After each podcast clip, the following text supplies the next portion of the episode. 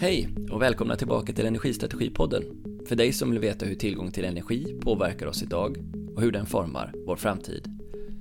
Den här gången träffar vi Lina Värme som blandar dialekter från estländska, svenska och numera norska i intervjun och som tagit en egen väg inom energibranschen. Hon är idag VD för Saltens kraftsamband i Fauske som producerar över 2,2 terawattimmar vattenkraft per år. Hur går det då för de stora vattenkraftproducenterna i norr när elpriset rasar samtidigt som hela Europa skriker efter mer grön energi? Något SKS sitter på i överflöd. Välkomna! Eh, ja, hej och välkommen till Energistrategipodden Lina. Tack så mycket Niklas. Ja, kul att ha dig här. Hur, är, hur, är, hur, är det hos, hur är det hos dig nu? Du är, du är långt upp i norr. Hur är det? Ja, alltså det måste väl vara en, nästan tusen kilometer mellan eh, mig och dig just nu. Eh, och eh, just nu, alltså det har vädermässigt har det regnat kraftigt. Det är andra dagen och eh, verkar regna så där riktigt, riktigt kraftigt till imorgon lunch då. Ja, jag var inne på yr.no och kollade och jag såg att det var regn för hela slanten. Ja, och då kommer det verkligen alltså sådana där stört sju, sjufall ibland liksom sådär. Då. Eh, det regnar, regnar och sen kommer jättemycket och sen regnar det eh, mindre igen. Och så kan det nästan pågå alltså, flera dygn om man har lite otur. Eller ja, beror på hur man ser det. Det är som att du skulle kunna göra en göteborgare avundsjuk. Ja, kanske det då. Ja, jag såg det, 17 20 mm per timme i ett par timmar i sträck. Det är ganska mycket. Eh, ja, alltså det gör ju att liksom vattnet bara nästan liksom sådär forsar eller rinner på, på, på, på gatorna och sådana där initiament eller tillfällen har jag inte sett så mycket i äh, mellersta Sverige där jag bodde de senaste 20 åren innan jag flyttade hit. Men äh, lever du drömmen nu? Äh, jag tror det. Jag tror det. Men du, vi börjar inte där, utan vi går tillbaks, eh, så kommer vi att sluta cirkeln igen, där du befinner dig nu. Eh, för du har en väldigt intressant historia. Eh, du är från Estland från början. Ja, det stämmer. Jag är uppvuxen på en liten ö som heter Hioma eh, på estniska, men svenska, eh, på svenska kallas ön för Dagö. Och det ligger ju på estniska västkusten och eh, strax söder om eh, Åland då, i Östersjön. Då. Så att eh, det, Hur var det att växa upp där? Det var alltså väldigt fritt. Eh, det är helt otroligt vilken frihet vi hade som barn, så jag hoppas ge i alla fall en tiondel av den friheten som, eh, alltså vidare även till mina barn. Då. Ja, men berätta lite grann då, vad, vad, hur, för du, jag vet ju att du kom till Sverige eh, till slut, men, men hur började din resa eh, mot, eh, mot Sverige och sedermera Norge?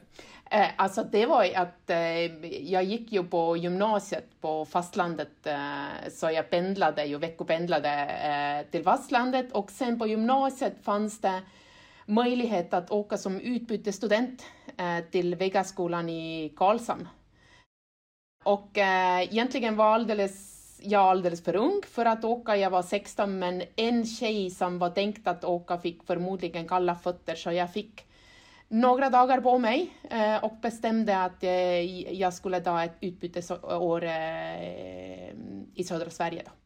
Okej, okay, så 16 år gammal så bosatte du dig ett år i, i Sverige? Ja, ja, så det var min första kontakt med, med Sverige. Då. Hur var, hur var det? och, och, och komma in i svenska kulturen? Alltså det var ju, eh, alltså som minderårig och liksom eh, sådär, det var ju riktigt tufft i början. Framförallt de tre första månaderna, man kunde ju inte eh, riktigt språket och hemlängtan och eh, allt eh, det där då. Sen kulturellt eh, skiljer det inte så mycket mellan Sverige och eh, Estland, att eh, det är lite grann alltså, du vet, med maten, men, men så är det ju också mellan Sverige och Norge. Då. Eh, men det som jag minns var ju att vi hade ju en sån där team av lärare som tog hand om oss utbytesstudenter som hade kommit från olika länder. Då. Och de lärde oss, förutom språket, då fick vi lära oss att tacka. Att i många andra länder säger man ju tack en gång. Eh, men i Sverige är det ju verkligen så där, alltså betydligt... Tack, tack. Precis, tick-tack, tick-tack som vi brukade säga. Och, och nu, nu, märker jag i Norge att folk nästan tittar lite konstigt på mig, att i Norge tackar man inte heller så ofta, man säger en gång tack och det räcker liksom.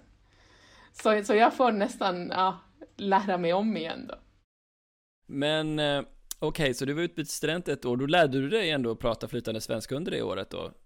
Ja, flytande, flytande vet jag inte, men jag tog mig ju mig fram och eh, gick ju hela läsåret på, eh, på svenska och eh, sådär. Så att...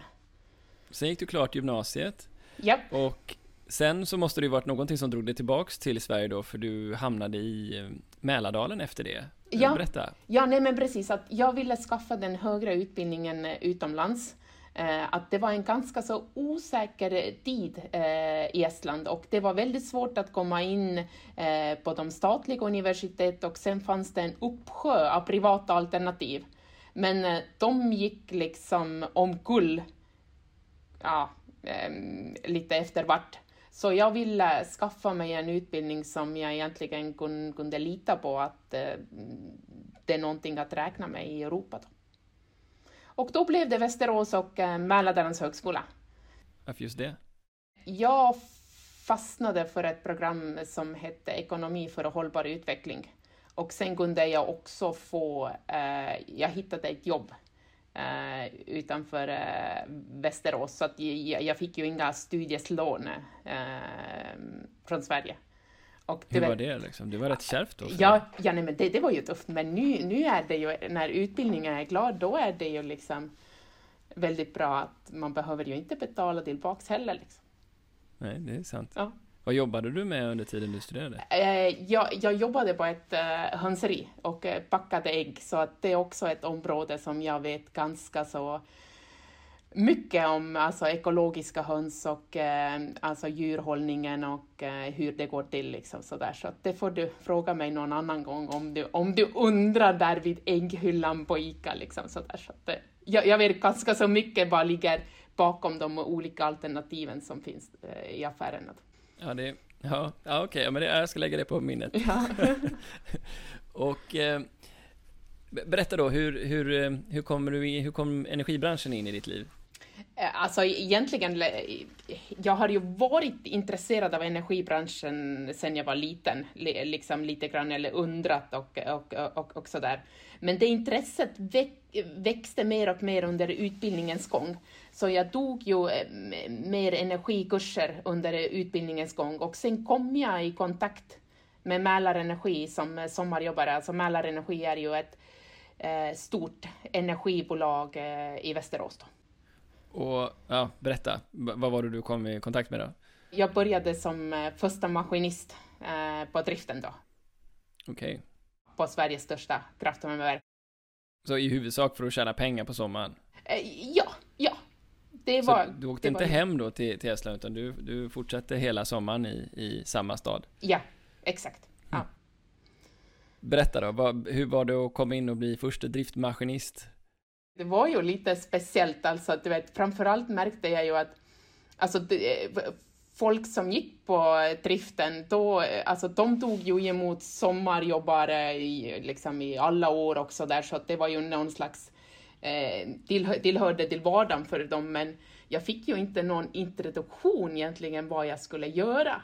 Det enda som jag minns jag fick ut på första dagen för, från förrådet var en hemsk ful blå overall som eh, ja, mindes ungefär att man såg ut som du vet sådana där på amerikanska filmer, eh, fångar då.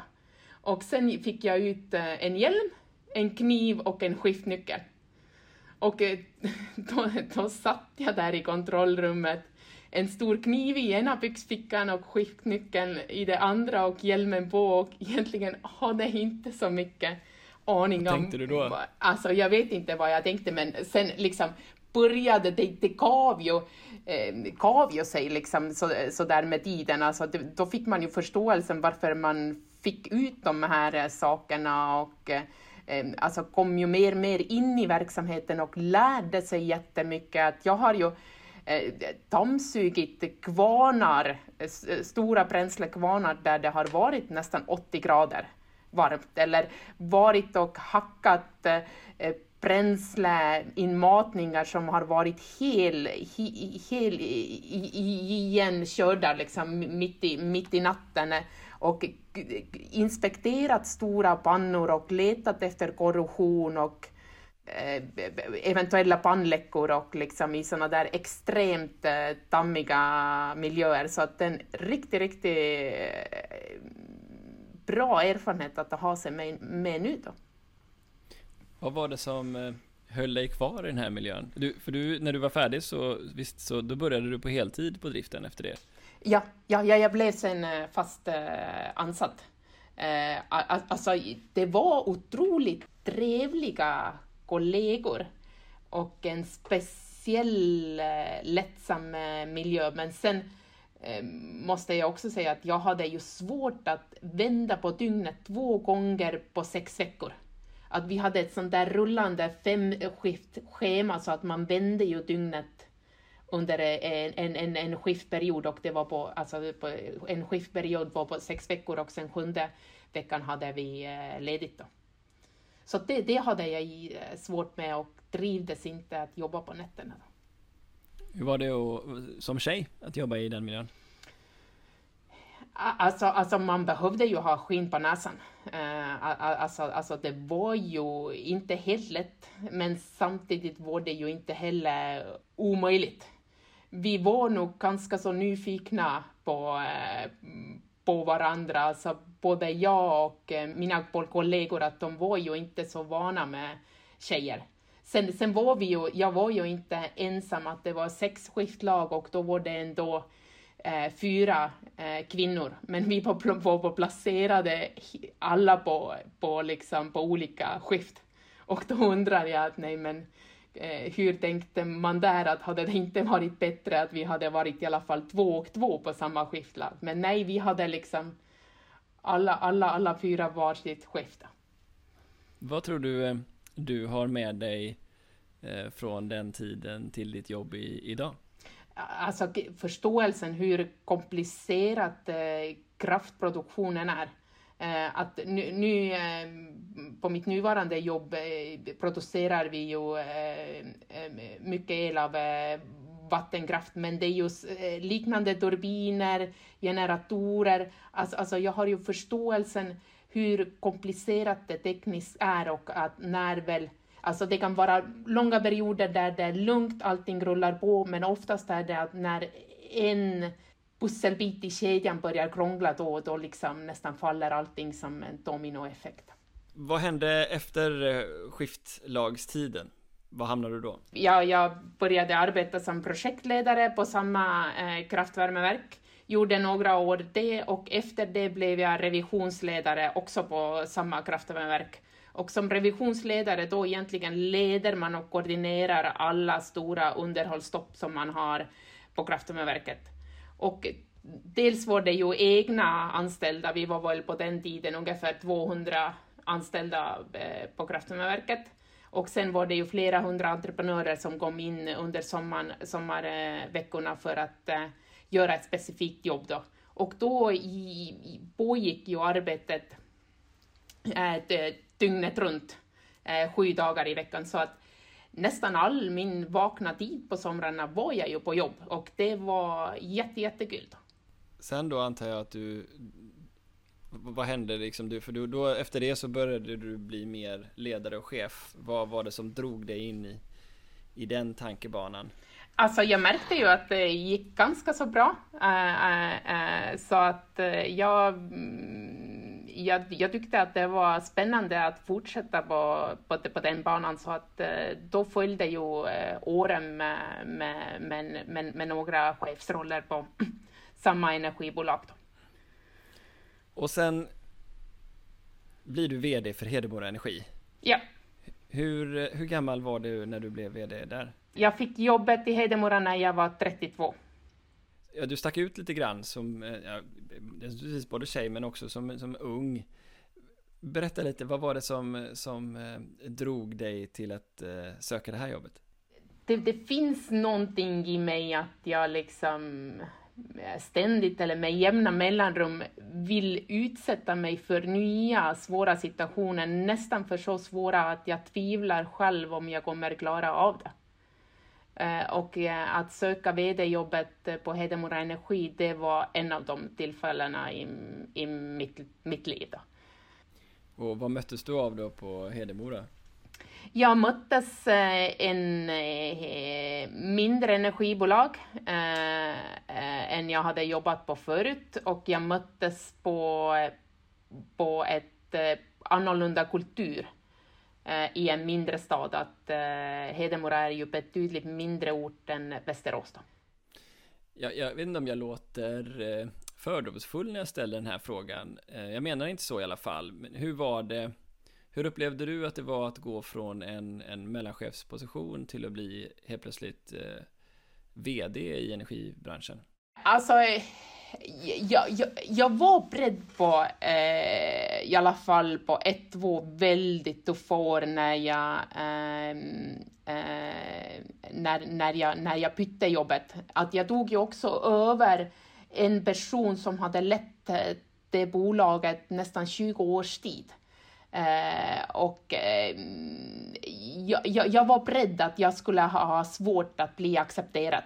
Men tack och lov, då blev det ju inte alls så så att, och egentligen liksom de svårigheter som jag trodde att jag skulle möta på, på de dök aldrig upp och istället dök det upp saker som jag aldrig trodde skulle hända. Liksom. Så då var du eh, VD på Hedemora Energi i ett antal år? Ja, nästan fem år. Nästan fem år. Och efter de fem åren, eh, hur hade det gått för dig, tycker du? Alltså jag själv, alltså egentligen är det ju att man själv ska inte utvärdera sin eh, arbetsinsats, att det ska ju folk runt omkring äh, göra, men jag, min, ja, jag tycker att det gick ganska så bra. Och vi hade eh, ganska så kul på det jobbet också. Ja, för ni lyckades vända en negativ ekonomi till en positiv sådan under dina år. Ja, vi hade alltså under många år haft det ekonomiskt väldigt kämpigt, eh, framförallt med vår fjärrvärmeverksamhet. Så att vi lyckades vända eh, den trenden. Eh, men det var ju mycket väldigt hårt arbete under några års tid. Men i efteråt Eh, är jag faktiskt lite stolt över det, att vi, vi, vi faktiskt lyckades eh, åstadkomma med de ekonomiska resultat som, som vi gjorde. Då. Vilka var de centrala eh, framgångsfaktorerna som du ser om du blickar tillbaka för att ni lyckades driva den förändringen? Att jag fick äh, folket med mig. Att jag fick äh, ledningsgruppen äh, med mig. Och kan du säga någonting om vad, vad, vad, du tror du gjorde som, som innebar att du lyckades få dem med dig? Alltså, kanske, kanske mitt... Eh, att jag, jag som ledare och person eh, är, som, så, som jag är. Eh, kanske hörs på rösten att jag är inte så speciellt, vad ska man säga, auktoritär eller liksom eh, sådär. Eh, men, men, men, men det är ganska så svåra frågor Niklas att svara, svara på själv så att du får jättegärna ja, fråga mina gamla kollegor. Ja, absolut. Ja. ja. men vi, vi kan passa vidare här och, till nästa del i, i, i frågebatteriet. Och då landar jag ju i Norge. Yep. När, när, kom, när kom Norge upp som en idé? Alltså, jag har alltid, så länge som jag kan minnas, äh, haft drömmen att äh, bo i Nordnorge. Men jag har inte bara velat äh, flytta, jag har också velat ha ett väldigt intressant jobb som skulle göra det värt att flytta. Så att äh, det så var... Det var Nordnorge var du liksom inställd på, då, ursäkta jag avbryter, men det var, du visste att det här är en region som jag vill till och så sökte du jobb i den regionen? Ja, ja så okay. det, det, var egentligen alltså som jag säger, att, att jag fick ju ganska så mycket uppmärksamhet för, för den resan i Energi-Sverige. Eh, och sen alla kompisar, bekanta också där och hälften ungefär tyckte att åh, nej men wow, en person som vågar satsa på sin dröm, men sen andra hälften eh, tyckte och tycker nog att det är alldeles för tidig 40-årskris eller, eller att vi har blivit helt galna. Liksom.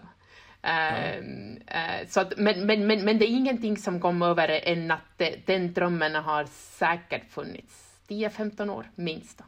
Och vad är det som drar där uppe i obygden?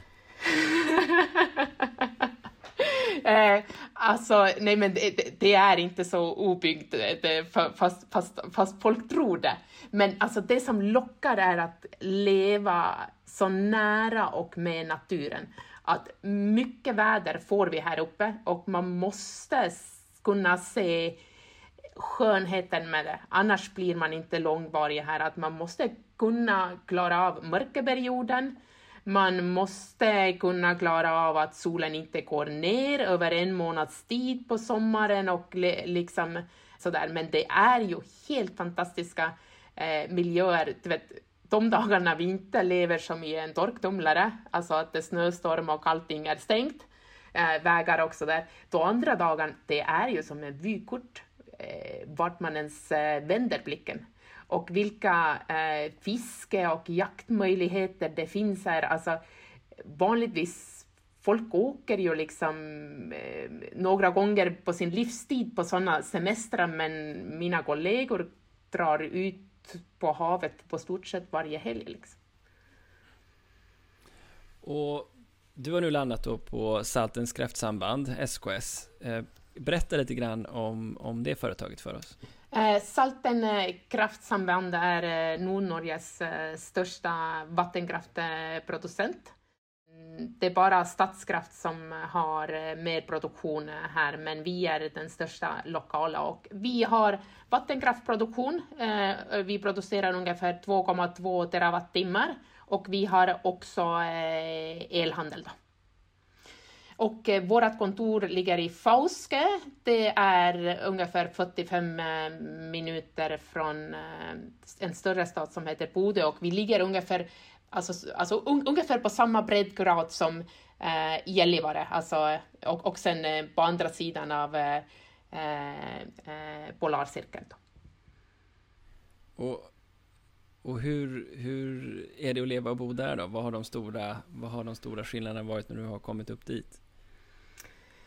Alltså vi lever ju väldigt mycket med vädret. Eh, alltså vår driftpersonal, säkerhetsaspekterna är ju med på ett, eh, på ett helt annat sätt eh, än, än, än, än det är alltså till exempel i mellersta eller i södra Sverige. Och då menar jag att vi har ju ständigt koll på hur vädret är, hur vi rör oss. Hur, på vintrarna kör vi ju mycket skoter i fjället att det inte är lavinfara. Eh, pers personalen har ju eh, lavinsändare med sig.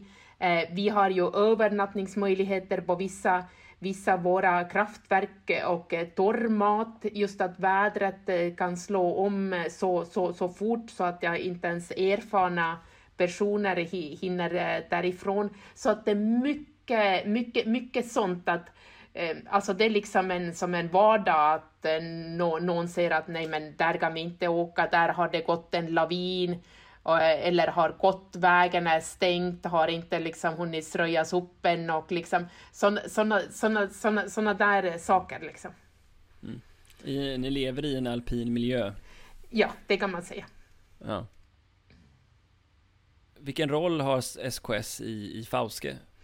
Eh, SKS är ett, en, en, en, stor och stabil arbetsgivare med mångårig eh, erfarenhet.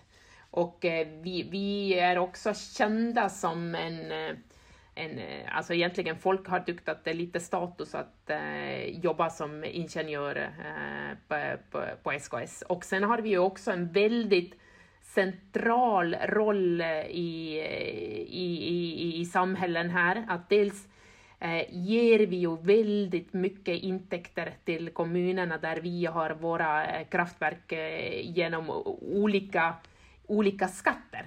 Att innan, innan jag flyttade till Nordnorge, då kändes det som ett mysterium att hur kan alla de små kommunerna här i eh, Nordnorge gå runt att Eh, Eh, vi har kommuner här som har bara tusen invånare, men eh, här i när, närheten lite längre bort finns det ju också kommuner där det är bara 500 eller 700 invånare. Och med svenska ögon, efter att ha suttit eller, eller varit med i en kommunledning där vi hade i kommunen över 15 500 invånare och hade svårt att få kommunekonomin gå ihop. Eh, då, då, då, då, då kändes det liksom som ett, ett, ett mysterium att hur fixar de det här i Norge, men nu förstår jag ju. Mm. Så det är, många av de här små kommunerna, de överlever delvis på grund av exempelvis sina fallrättigheter på vattenkraften? Ja, de får väldigt mycket eh, intäkter från eh, vattenkraftproduktionen. Att vattenkraftproduktionen är eh, högst beskattade näringen i hela Norge. Eh, skattesatsen på oss eh, med alla möjliga skattesatser ihop är strax under 60 procent. Och till det kommer också olika inmatningsavgifter och sådana där saker. Så att allt som allo, då måste vi lämna ifrån oss ungefär 84 procent. Så att vi behåller ju inte så stor av eh, våra, våra, våra intäkter. Men eh, vad blir konsekvensen av det då? Det innebär ju att för varje krona ni sparar så får ni bara tillbaka 15 öre. Mm. Eh, riskerar inte det leda till eh, ett svagt kostnadstryck? Ja, men det är det som är lite grann problemet och eh, alltså branschen har ju lovat många, många år eh, alltså politiskt att eh, vattenkraftsbeskattningen måste ses över. Att alla, eh, Norge har ungefär, om jag minns rätt, 2000 eh, vattenkraftverk över hela, hela landet. Att många av dem har eh, stor, stora renoveringsbehov och just nu liksom skjuts det underhållsskuldet framför sig. Och till exempel bara SKS skulle eh, eh, i dagsläget bygga ut nya projekt för eh, eh ungefär för en miljard. Men det gör vi ju inte, just att det, den enorma skattebelastningen gör det totalt ointressant. Ja, vi, vi kommer tillbaka lite grann till marknadsförutsättningarna, men eh, förutom själva vattenkraftsproduktionen, eller förresten, nämn lite om den. Hur, hur många vattenkraftstationer har ni ungefär? Vi har eh, 22. Sen är det en som håller på att bli färdig nu och sen är det också en, ett, ett, ett eh, väldigt stort projekt på gång som förhoppningsvis blir helt färdig här under, under våren. Jag såg att eh, bland annat i eh, Sundsfjord så har ni tre stycken 34 megawatts turbiner och drygt 100 megawatt. Eh, är det er största?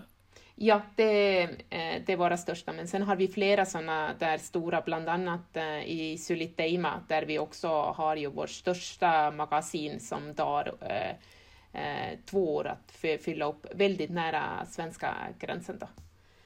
Okej. Okay. Hur många anställda är ni ungefär? Vi är eh, lite över 90. Och förutom själva produktionen, har ni några fler verksamhetsområden? Vi har elhandel.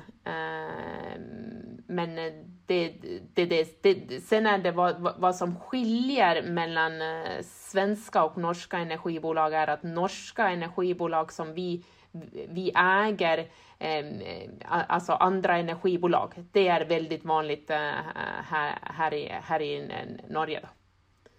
Okej, okay. så man, man, vadå, man äger varandra? Ja, det kan man säga. Och hur kommer det sig? Ja, alltså det, det, det, har varit en tidsperiod i Norge där man egentligen på stort sett har fokuserat lite grann på att vem köper vem då?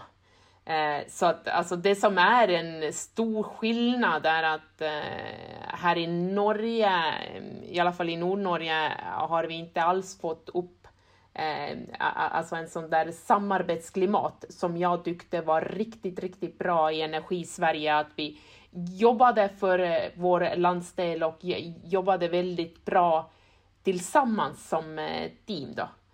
Eh, så att det försöker jag nu också få mina kollegor här uppe i nord förstå.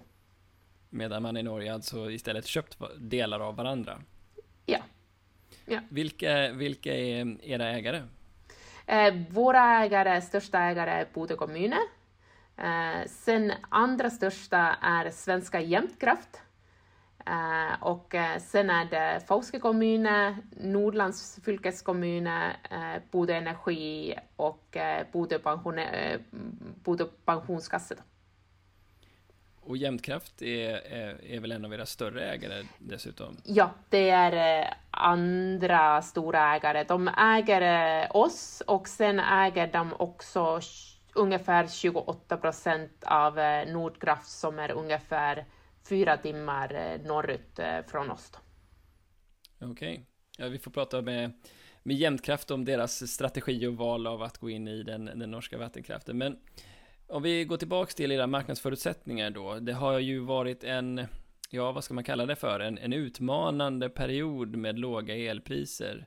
Hur har det påverkat er? För ni är i, i eh, NO4, alltså elområde 4, det nordligaste elområdet i Norge. Kan du berätta lite grann om hur förutsättningarna har varit för er? Ja, alltså elpriserna här i nord har eh, nog aldrig varit så här låga som, eh, som nu i sommar.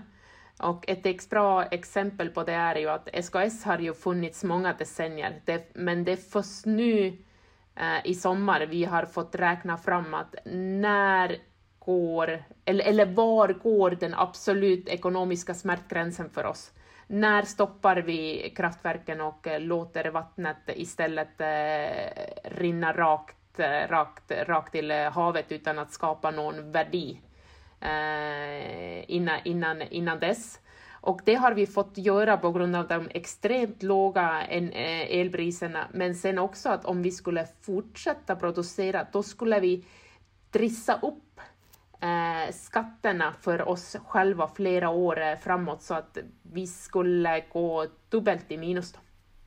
Jaha, okej, okay. så det finns en, en, en framskjuten effekt av att producera nu på skatterna också? Ja, ja, det, det gör det. Och de, de skatterna egentligen, eh, alltså, alltså det är flera års framskjutning så att kommunerna kommer märka eh, den ekonomiska krisen eh, efter, efter flera år att de kommer få betydligt mindre pengar från oss än de historiskt är vana då. Och vad händer då? Jag antar att det är många som, kommuner som ändå har det här som en väldigt viktig intäktskälla. Vad, vad, vad blir reaktionerna? Det blir ju aldrig positivt eh,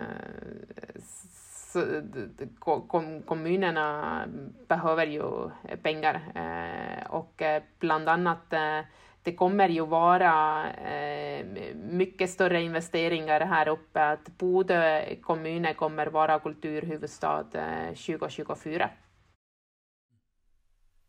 Hur, eh, hur navigerar ni i den här miljön nu då? Vad, hur, hur ser ni på strategin framåt? Alltså vi, vi måste på något sätt eh, för, eh, bredda våra inkomstkällor. SKS hade ju förut flera verksamhetsgrenar att stå på, men vi har ju sålt av eh, elnätet eh, för några år sedan och också flera andra verksamheter. Eh, så att nu, nu, nu, nu måste vi återigen få fler inkomstkällor, men sen också försöka bidra till att få upp eh, förbrukningen här i vårt område NO4. Hur, eh, hur kommer det sig att, att man sålde av ett antal verksamheter som elnätet? Alltså det är egentligen, alltså vi sålde det till Bodö Energi och eh, vi har samma eh, ägare Eh, och eh, alltså vi bytte eh, mot några vattenkraftverk då. Så att nu, nu, nu har vi liksom alla vattenkraftverk och de, de har bara elnätet plus några andra verksamheter till. Då. Så man eh, fokuserade alltså bolagen mot att vara mer specialiserade mot en, en typ av produkt. Så ni blev specialister på vattenkraftsproduktion? Ja. Okej. Okay. Och nu när den är så utsatt i marknadsläget så, så såklart så blir det extra kännbart för er? Ja, stämmer bra. Okej, okay, men den här andra frågan du tar upp eh, om att locka eh, elintensiva investeringar upp till Nordnorge. Berätta lite grann om det. Hur, hur, hur lyckas, eller hur gör man det? Eh, alltså framförallt eh, eh, det, det, det som vi inte är så goda eh, på eh, här i Nordnorge. Nu kanske liksom, du vet, no, någon kommer skjuta mig här, liksom, men eh, att, att, att vi, vi, vi, vi, vi har ingen tradition att komma samman och jobba stenhårt samman för vår landsdels bästa. Eh, inte bara för vårt eh, eh, företags eh, bästa då. Så att det, det, det måste vi eh, börja öva på. Och hur gör du och ni för att eh, ändra på det? Mycket, mycket egentligen att uh, snacka, för, försöka börja få mindre projekt ihop och just att skapa den kulturen att vi ska, vi ska jobba tillsammans. Då. Så om det är någon som lyssnar på den här podden och som har kontakter i elintensiv industri så vet de i alla fall att det finns ett, ett väldigt bra ställe att söka sig till och det är Bode Fauske-regionen för där finns det billig elektricitet om man nu sitter på, på någon, någon produktion som man kan särkoppla geografiskt men som ändå kräver mycket el. Är det så jag ska förstå det? Ja, helt, helt enig. Att det är helt otroligt hur mycket elpriserna har skilt sig bara mellan Nordnorge och mellan mellersta Sverige och södra Sverige. Och dessutom är ju eh, all elproduktion här i Nordnorge, det är ju miljövänlig. Eh, alltså vi är ju redan där som alla politiker snackar om.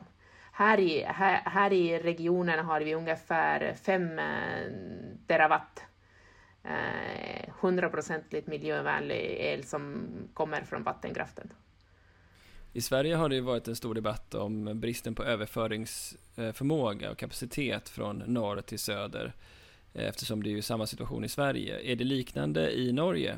Ja, det är exakt samma problematik äh, här, eh, här också. Äh, att man får egentligen inte ut alltså det söderut, att linjerna är alldeles för dåliga.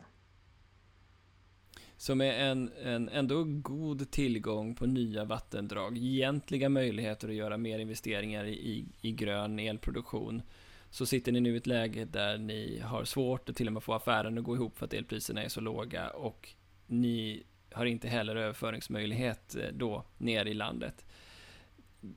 Det låter ju som att eh, det är en lite bakbunden situation. Ja, det är det och dessutom är det ju att det är ju Stadsnät som bestämmer hur mycket vi får producera. Alla eh, vattenkraftproducenter här uppe är ju i samma situation. Vi har en eh, vinter bakom sig där det var ungefär 30 procent mer snö i fjället än vanligt. Så att alla eh, sitter ju med fulla magasin redan innan vi går in i höstsäsongen och det ska börja regna på riktigt. Då. Jag har berättat om det, för det har varit hos er en extrem nederbörd det här i början av det här året. Visst var det så? Ja, det var ju eh, 30 procent mer, mer eh, snö på fjället och jag kan skicka dig några helt nästan obegripliga videos som du kan lägga som extra material till den här podden, att där vi i mitten av april letar efter våra kraftverk på fjället och gräver oss ner i snön eh, fem meter för att komma, komma till eh, kraft, kraftverksdörren. Och då är det ju fint väder, ganska så varmt, solen skiner på fjället men, men, men snön ligger kvar. Och jag har också några bilder som illustrerar hur, hur mycket snö, snö det var. Då. Ja, men det ska vi absolut lägga upp bland extra materialet. Men eh, det här är ju lite speciellt då, för, för de senaste, om man blickar tillbaka fem åren, har ju i nederbörden inte alls varit eh, lika mycket, till och med något under normalåret, och så kommer ett sånt här extremår. där flera års eh, minskad nederbörd hämtar sig hem på, ja, snart sagt två till tre månader. Hur reagerar folk där uppe på den här snabba svängen? Vad säger folk?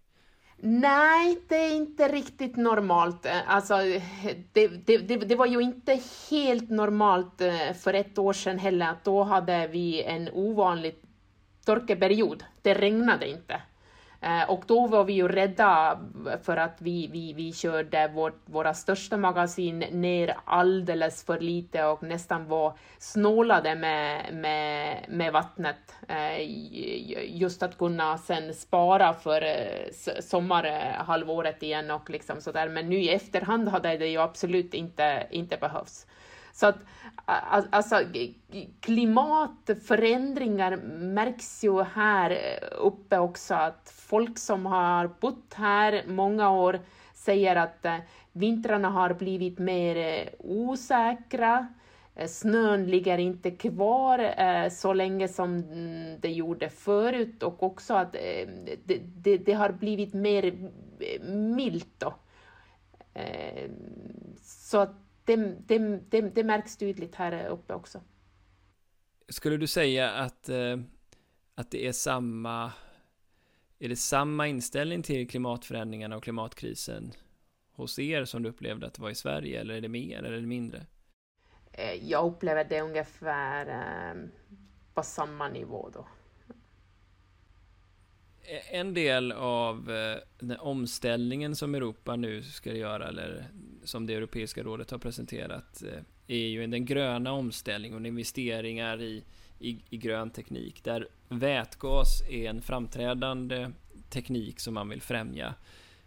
Eh, hur, hur ser ni på det och vilken roll kan vätgasproduktion ha för er verksamhet i framtiden tror du? Alltså det, det, det görs ju försök här uppe också, men jag upplever det lite grann att det, det blir nästan hön och ägg-diskussionen. Att eh, det blir inte riktigt liksom full produktion, just att det saknas kunder och kunderna eh, eh, vågar inte liksom beställa sådana fordon, just att det saknas produktion och liksom sådär. Och man, man snackar om att det offentliga måste gå i förväg och beställa för att privata företag ska komma eh, efter och liksom eh, sådär. Men, men, men jag tror att det kommer lossna inom eh, i alla fall på några års horisont. Finns det några som gör de här investeringarna redan nu eller är det fortfarande så att alla sitter på händerna och väntar? Lite grann händer det. Eh, lite lite här, här, här och där. Eh, det gör det. Och eh, vi har ju också tänkt att eh, eventuellt i framtiden kunna, kunna, alltså, eh, kunna gå in som eh, delägare i, i, i, i sådana här projekt.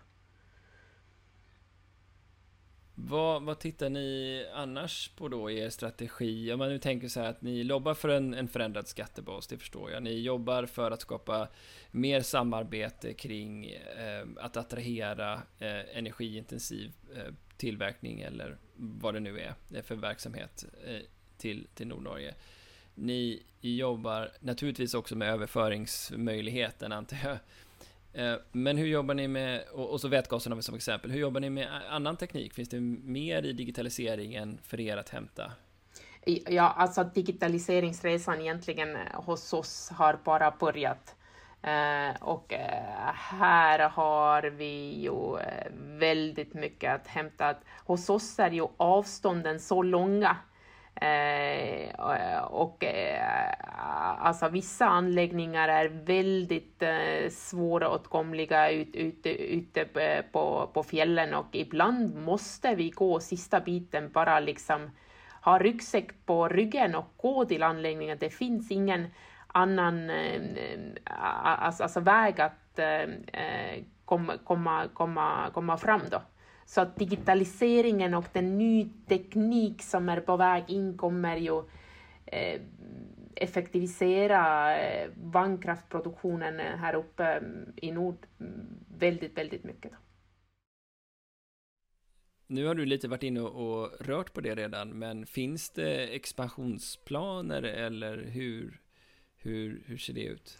Det kommer alltså nu efter mycket, mycket lobbyarbete eh, mot politiker och Stortinget eh, har ju vi fått en majoritet i Stortinget som vill förändra eh, vattenkraftsbeskattningen eh, Eh, i Norge. Så att hela branschen väntar ju med alltså nästan eh, alltså, så att man knappt vågar andas vad ska komma inför, eh, inför nästa års budget. Och om det kommer skattelättnader på riktigt då kommer det ju bli en ny expansiv fas för hela vattenkraftbranschen, att många kommer ju börja bygga ut de projekten som man inte har kunnat göra någonting med på, på jättemånga år. Och många kommer också ju eh, rehabilitera nuvarande verk som börjar bli slitna då.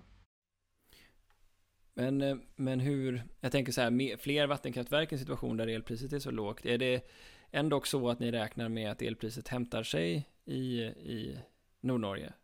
Den framtidstron eh, måste, måste vi ändå eh, ha då. Finns det ytterligare faktorer som förklarar det låga elpriset, som vindkraft till exempel? Eh, vindkraftsutbyggnaden finns, men den är betydligt eh, mindre än i Sverige. Just att i Norge finns det otroligt stor och stark opinion mot eh, vindkraftsutbyggnaden så att eh, det är jättemånga kommuner eh, eh där man inte, inte vill ha de, de, de här snurrorna. Så att I Sverige upplevde jag inte alls samma stark motstånd mot vindkraften som det är här i Norge. Så du ser inte det på radarn då, att, utan det, om det kommer fler, mer produktion av kraft så är det i huvudsak vattenkraften som kommer eh, längre norrut? Lite, lite blandat. Mer vindkraft än kanske vi har sett förut, men inte lika mycket som det är i Nordsverige. Då. Hur är det med internationellt kapital då? Eh, det har stått mycket i tidningarna om att de stora oljebolagen, inte bara Equinor utan eh, BP och andra europeiska oljebolag ställer om för att vara mer aktiva inom eh, green energy. Är det någonting som ni märker och har vi ett, ett område som ändå är väldigt präglad av också oljan och oljeindustrin? Vi märker av ett betydande, alltså, eh, eller att det är ökt intresse för eh, vattenkraften eh, här, här, i, här, i, här i Norge från utländska investerare. Just att förmodligen är det ganska så svårt att ja, hitta andra bra placeringar och många vill ju hitta de gröna placeringarna. Så att det är fler och fler som visar intresse för oss. Sen finns det ju massa massa regler i Norge som gör att eh, storskalig vattenkraft kan aldrig, alltså majoritetsägandet kan aldrig hamna i utländska händer då. Eh, så att minst okay, hälften måste, måste, ja. måste ägas av det offentliga här, här, här i Norge. Ja, det, det, känns ju som att det hänger ihop med vissa bilder man har av Norge i alla fall, att man är väldigt beskyddande mot, eh, mot det som har med ens eh, liksom, natur och miljö att göra. Vad har ni för skyldigheter att, att ta hand om naturen när ni ger åverkan på den? Alltså vi har ju en egen, egen miljövårdare som eh, egentligen på heltid eh, ser till att våra utbyggnaden och, och hur vi driver våra kraftverk ska Eh, eh, skada och påverka naturen så, så, så lite som möjligt. Eh, och i Norge är det också extremt viktigt att ha eh, alltså dialog med renägare, att eh, ren, renar har övergångsställen eh, när, när de har sina liksom, eh, alltså perioder när de flyttar eh, på sig att vi inte gör mycket väsen i, ute på fjället och alla, alla de där eh, aspekterna. Då. Hm. Det låter ju jättefint. Ja. ja. Hur, eh, du sitter i, i Energi Norges också, eh, styrelse också. Vilka heta potatisar eh, finns där? Vad diskuterar man? Eh, Energi Norge har ju en vision att Norge ska bli eh, första fullelektriska eh, samfund. Eh, så att eh, vi jobbar ju mot att eh, nå det här målet och jag själv tycker att det mest intressanta med den eh, kortbaneflygsatsningen här i, här i Nord, att man vill ju före 2025 också börja flyga el eh, elflyg här, här uppe i, i, i nord. Eh, och det skulle ju ge ännu bättre möjligheter att både bo och verka och driva företag eh, här, här uppe. Då. Är det mycket elbilar också uppe i Bodö, Fauske? Ja, det märker man stor skillnad på, att den, den biten har kommit betydligt äh, längre i, i Norge än i Sverige och i Norge kör man ju 100 procent eh, elbilar. Det är väldigt få som är liksom sån där alltså både och då, att första fem milen kan du köra på el och sen slår det över till någonting annat. Hur gör ni när du åker över svenska gränsen?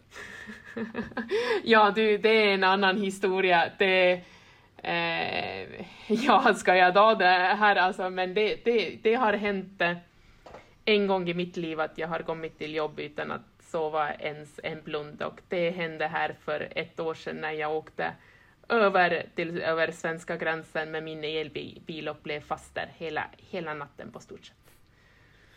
Du, du glömde bort att det inte fanns eh, snabbladdare i, i, i Sverige? Ja, eller i alla fall att eh, du vet att de laddare som finns, eh, de är så långsamma så att du måste nästan sova där på hotellet för att sen nästa dag ha möjlighet att åka vidare. Men, men, men det är en, alltså en erfarenhet som eh, du vet, jag i början tyckte var lite halvpinsamt men mina kollegorna skrattar gott åt. Okej, okay. men det här, du har nämnt det lite grann, så vi tänkte avsluta med det. Du har ju nämnt att eh, liksom, det, det, här är ju en grön eh, energiform. Hur är din upplevelse att vattenkraften har lyckats komma ut med sin, sin position för energisystemet och sin, sin roll för klimatet till liksom allmänheten? Ja, alltså egentligen inte alls. Jag har ju eh, varit eh, eh verksam inom energibranschen nästan 20 år eh, i, i, Sverige och eh, jag hade aldrig hört den problematiken som finns här i eh, Nordnorge. Att det finns så mycket vattenkraft, att det är så, ett överskottsområde och att det är så få, svårt att få eh, kraften eh, ut. Då. Så att, eh, nej, vi, vi har inte alls eh, marknadsfört oss. Vi har alltså alltid jobbat på och gjort så gott som vi kan, men inte berättat till omvärlden hur, hur, hur bra vi egentligen är. Då. Blir det skillnad på det här nu då framåt, tror du? Ja, lite grann ska det bli då. Hur, hur är det att få talanger upp dit? Ehm, det är ju ändå, som du sa, ganska långt upp. Lyckas ni attrahera unga, nyfikna till eh, er, eh, er verksamhet? Ja, det, det gör vi. Alltså, vi har inte alls eh, svårt att få tag på eh, duktiga medarbetare. Eh, sen är det ju också att det är ju lite annorlunda än i storstäder, att de som eh, börjar eh, hos oss, eh, det, det, det, är ju också någonting annat som lockar. Eh, de personerna har ju valt att bo här, de lockas av fiske, jaktmöjligheter, all friluftsliv, eh, vad finns här, så att de, de, de, de flyttar ju inte till Oslo bara för eh, jobbens skull. Liksom, sådär. Så att folk stannar ju på, alltså betydligt längre eh, hos en arbetsgivare än, än jag var van med från svenska sidan. Då. Och det, det förstår jag ju också att eh, det går ju knappt att eh, pendla på det viset som eh, folk gör i alla fall i Stockholmsområdet, att 100 kilometer här uppe är ju någonting helt annat än 100 kilometer eh, runt Malmö eller Stockholm. Då. Vad, vad tror du om vattenkraftens framtidsutsikter då? Vad tror du man befinner sig, eller vad hoppas du vattenkraften befinner sig om fem år?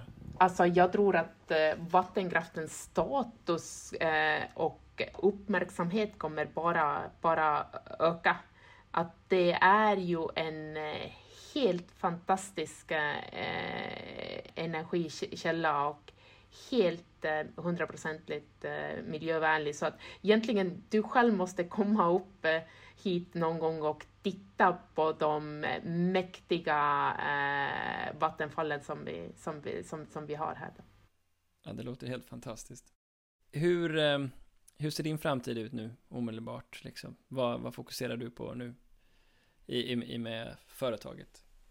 Eh, alltså, vi, vi har mycket interna eh, processer eh, igång eh, att bli en mer effektivare organisation. Sen håller vi på att förankra nya koncernstrategin hos koncernstyrelsen och sen är det också att lobba väldigt mycket mot politiker, skriva debattartiklar eh, angående grund eller, eller den skatte, bankraftsbeskattningen och sen också att försöka eh, kollegorna här i Nordnorge eh, komma ihop att vi ska få eh, ännu mer gjort för vår landsdel eh, tillsammans än vi har gjort eh, på varsin kant.